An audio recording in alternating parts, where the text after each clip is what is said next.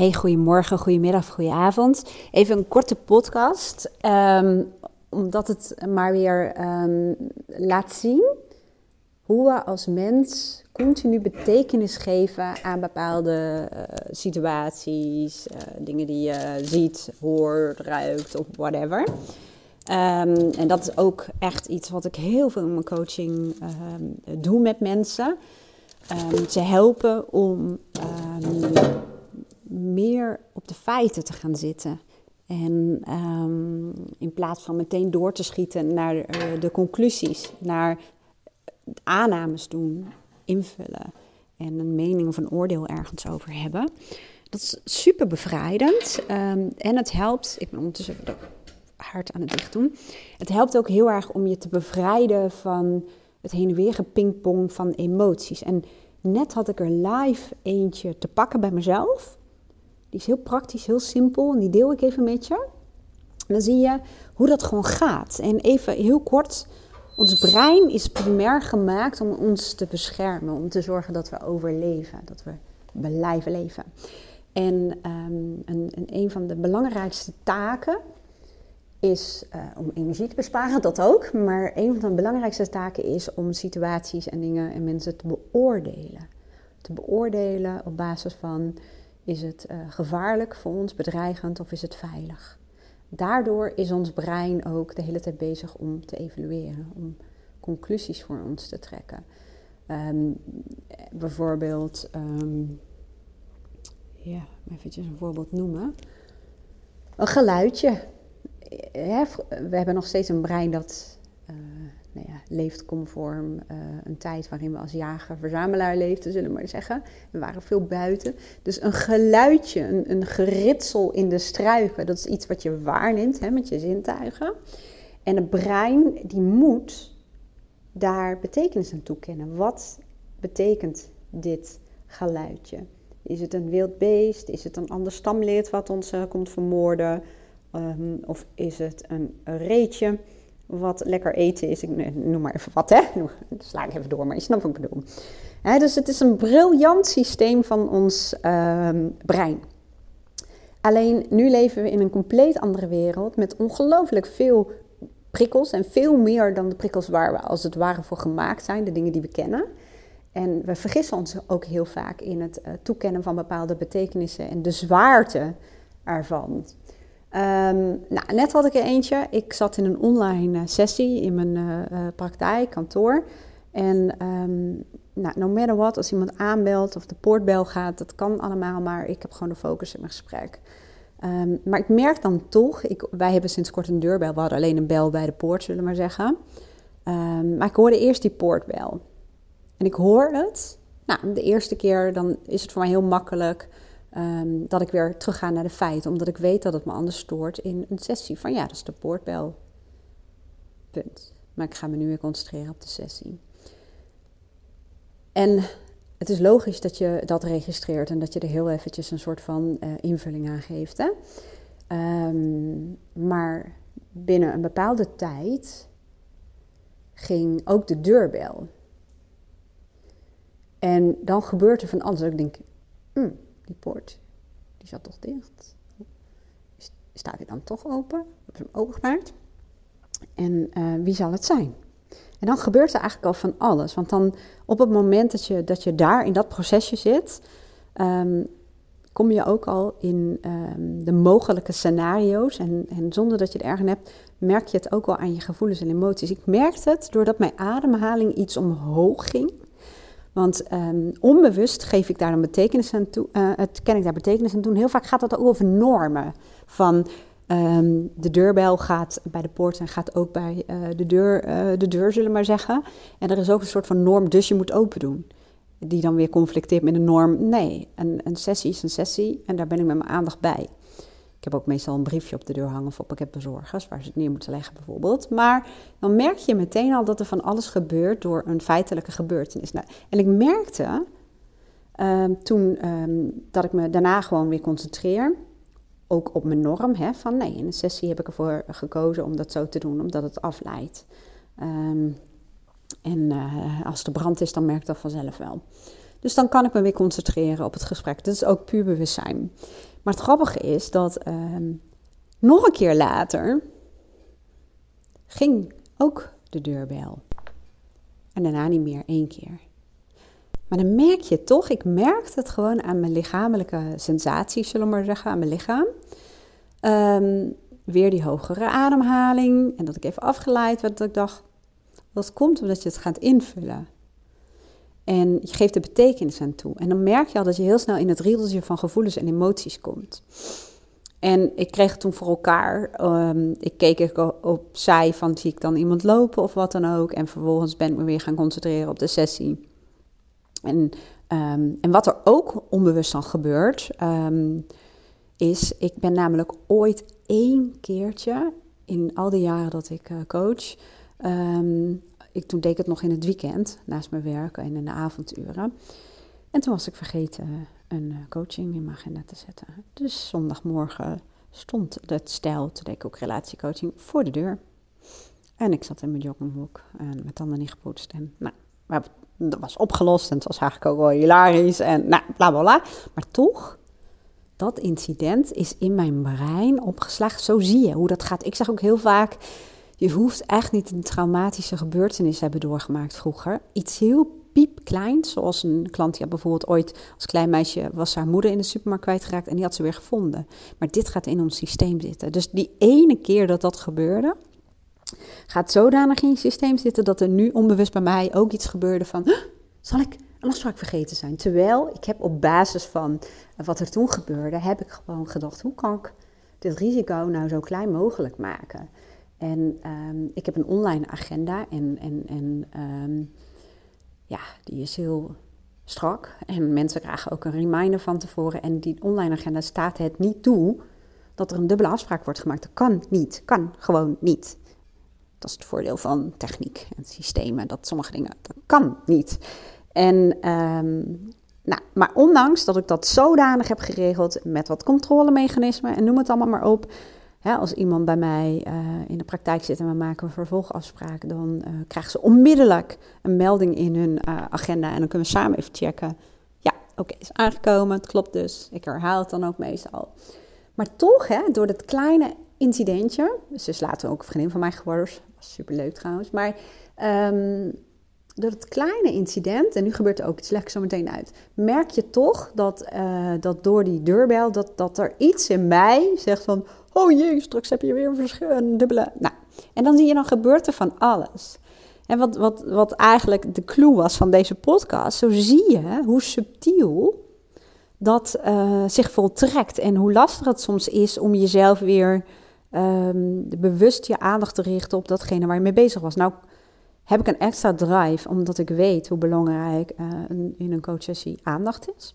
Dus dat, dan kan ik mijn aandacht daar weer op richten. En ik weet ook, ik verwacht niemand. Er is geen afspraak. Het huis staat niet in de fik. Um, ja, dus dat. En, uh, oh ja, nu ben ik ook weer getriggerd. ik hoor mezelf hardop uitspreken tegen jou uh, dat uit de relatiecoaching um, een vriendschap is ontstaan.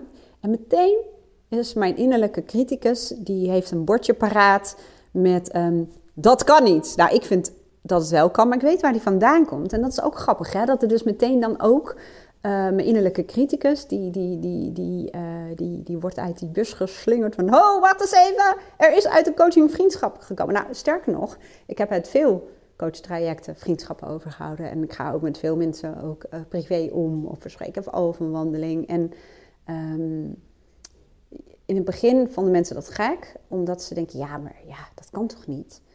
En um, dat is ook heel erg uh, gerelateerd vaak aan een therapeutische relatie. Een, een, psycholoog, een psychiater of een therapeut. En er zijn vaak uh, regels voor waar je aan moet houden ten aanzien van de relatie die je opbouwt met een patiënt. En um, dat is ook meteen het verschil. Los van het feit dat ik uh, ook wel weet van psychologen dat ze een vriendschap hebben opgebouwd met een cliënt of patiënt, hoe je het ook wil noemen. Um, ja, want er is bepaald dat dat niet kan of dat dat niet zou mogen. Maar met coaching is het zo anders, afhankelijk van het soort coaching wat jij natuurlijk biedt. Hè. Ik, ik, heb natuurlijk ja, heel erg oplossingsgerichte coaching, veel ondernemers. Um, mensen die willen groeien. De verhouding tussen een, een coach en een uh, klant, cliënt, hoe wil je het noemen, coachie noemen ze het ook wel eens, is, is echt wel anders. Is echt wel anders. Er een soort partnership. Ik behandel niet. Ik ben geen therapeut. Er is geen Ehm, ja, verhouding als zijnde ik behandel iemand, ik stuur iemand. Dus dat is een compleet andere ehm, ja, dynamiek. En juist merk je, uh, ik heb heel veel klanten die bijvoorbeeld al jaren bij me komen. Je krijgt zo'n goede relatie en band uh, met iemand. Je hebt echt connectie. Want ze zeggen ook in de coachopleiding als een van de eerste dingen. Um, de relatie is het allerbelangrijkste als het gaat om een coachtraject. Grondhouding ook. En natuurlijk je skills, hè, dat, dat uh, zonder meer. Maar je kunt zo'n ongelooflijk goede coach zijn. Maar als er geen klik is, ja, forget it. Moet je het gewoon niet doen, in mijn ogen. Um, en daarom is het ook helemaal niet gek dat je zo'n klik hebt met mensen. Um, dat daar uh, gewoon een vriendschap uit ontstaat. Of dat je echt een band krijgt met iemand. Maar zo zie je eigenlijk, hè, om even terug te gaan op de triggers en de aannames en het invullen en dat hele riedeltje van, van gevoelens. Ik zal hem zo meteen nog wel even voor je schetsen. Um, hoe subtiel triggermomenten zijn. Dat, dat, dat je wordt getriggerd door een, een, een soort van tastbare gebeurtenis zoals de deurbel. En hoe je getriggerd kunt worden door een minder tastbare gebeurtenis, zoals een gedachte. Hè? Dat ik hardop uitspreek, dat ik uit die coach, um, uh, klant zeg maar, dat daar een vriendschap uh, ontwikkeld is. En uh, dat dus in je innerlijke dialoog de innerlijke criticus daar iets van vindt. En daar word je dan ook weer door getriggerd. Nou, dan sluit ik af met even samenvatten van hoe gaat dat dan in zijn werk? Nou, in een aantal stappen. Vier à vijf stappen. Het zijn er meer, maar ik noem, ik noem deze stappen, want die zijn eigenlijk meest tastbaar. Stap 1 is de feitelijke uh, situatie. Dat is wat je letterlijk hoort en ziet. Dat is feitelijk. Dus laten we de deurbel, de deurbel gaat. Stap 2, daar vliegen we echt in een paar milliseconden naartoe. Dat is de interpretatie. Je gaat het invullen, je gaat dingen aannemen, je gaat het betekenis geven. Het zal wel, ik denk dat. Dan, boem, zit je in stap 3. En dat is dat je er een oordeel of een mening over hebt. Je plakt er een label of een stickertje op. En dan vlieg je ongemerkt door, nou niet ongemerkt, dat is helemaal niet waar, onbewust door naar de volgende stap. Dat is dat je op basis daarvan heb je bepaalde gevoelens en emoties.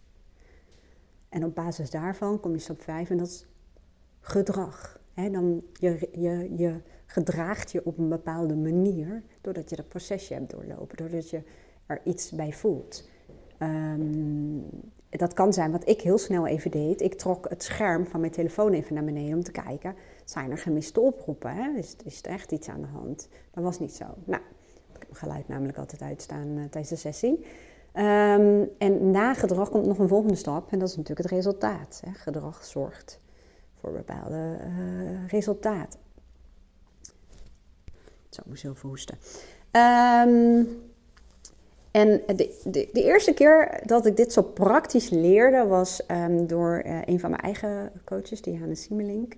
Zij is nu bekend uh, als Lieve Heersje, volgens mij, op Instagram. Maakt ongelooflijk mooie gedichten. Zij was altijd al ongelooflijk sterk met woorden. Dat heb ik mede dankzij haar geleerd. Ik ben sowieso altijd wel heel erg van de taal geweest.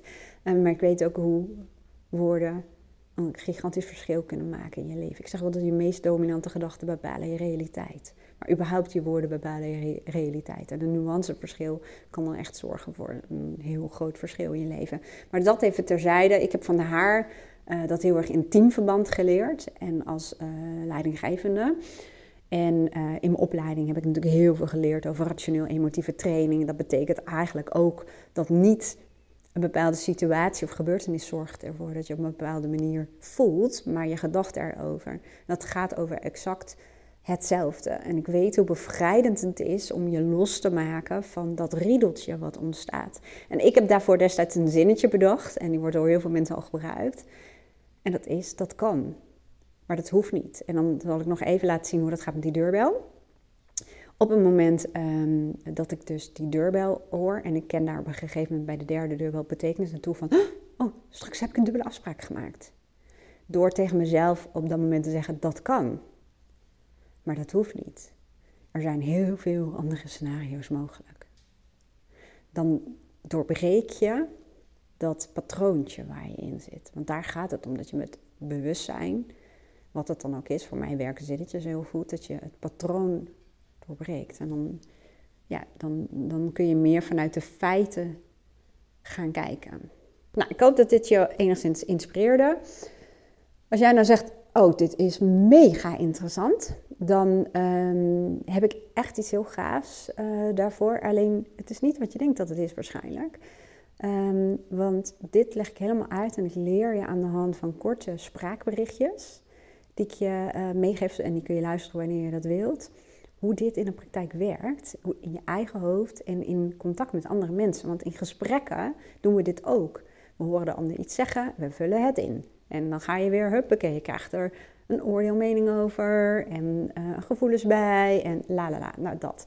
Dus als je hier meer over wil weten en dit wil leren in je eigen hoofd om daar wat rustiger te krijgen en niet de hele tijd van alles maar in te lopen vullen, want het kost enorm veel energie en uh, het zorgt voor miscommunicatie, um, dan is de training, volgens mij heet die communiceren, kun je leren die is echt wat voor jou. Ik zet het linkje wel eventjes hieronder. En het is um, in die zin een, zeg ik, training voor luie mensen. maar om, nee, dat is flauw. Nee, maar deze training gaat heel erg namelijk over bewustzijnsverandering. En um, daarom zijn er allemaal luisterfragmentjes. En sommige dingen heb ik voor je uitgewerkt in tekst, zodat het makkelijker is om erop terug te vallen. Maar door het te luisteren, en, en ik geef je um, hulpmiddelen en handvatten hoe jij met uh, wat je hoort zelf kunt gaan um, spelen en experimenteren en dat gaan toepassen in de praktijk, zul je merken dat je bewustzijn verandert. Je gaat anders kijken, je gaat anders luisteren, je gaat dingen uh, zien, je gaat dingen uh, opvallen. En daardoor, door die bewustzijnsverandering, ga je ook anders handelen. En het enige wat je dus hoeft te doen is um, zo'n spraakberichtje aanzetten, wat je nu ook met de podcast doet. En dat, ik zou het niet op één dag allemaal tegelijk doen, maar dat je gewoon, uh, nou, bijvoorbeeld dat ochtends doet of tijdens je wandeling, luister je even naar. En dat je dan een bepaalde periode ook daarvoor neemt, zul je ook merken dat het echt ook leidt tot gedragsverandering. En je moet even niet eh, meerdere berichtjes op een dag, maar gewoon eentje. Dan laat je het landen. Je kunt op die manier, uh, ga je anders kijken, want je bewustzijn verandert dus. Je gaat dus anders kijken en je gaat anders doen. En dan pak je het volgende berichtje, want het is zo gemaakt Um, ja, dat het elkaar opvolgt en dat er ook wat herhaling zit op verschillende manieren, zodat het ook echt uh, verankert en zorgt dat er ook echt dingen veranderen in je eigen hoofd en in relatie met andere mensen. Anders heeft het voor mijn gevoel geen zin. Nou, ik zet wel even een linkje hieronder. Het is ook geen dure training of zo. Dat is het voordeel van online. Hè? Dat je deze uh, kennis voor best weinig um, nou ja, kunt delen. Nou, ik hoop dat je er wat aan had. Ik wens je een hele mooie dag. En ik ga samen met de hond even naar de brievenbus lopen om te kijken of iemand misschien een briefje erin heeft gestopt. Om toch eens te kijken, wat was nou die deurbel? Doei!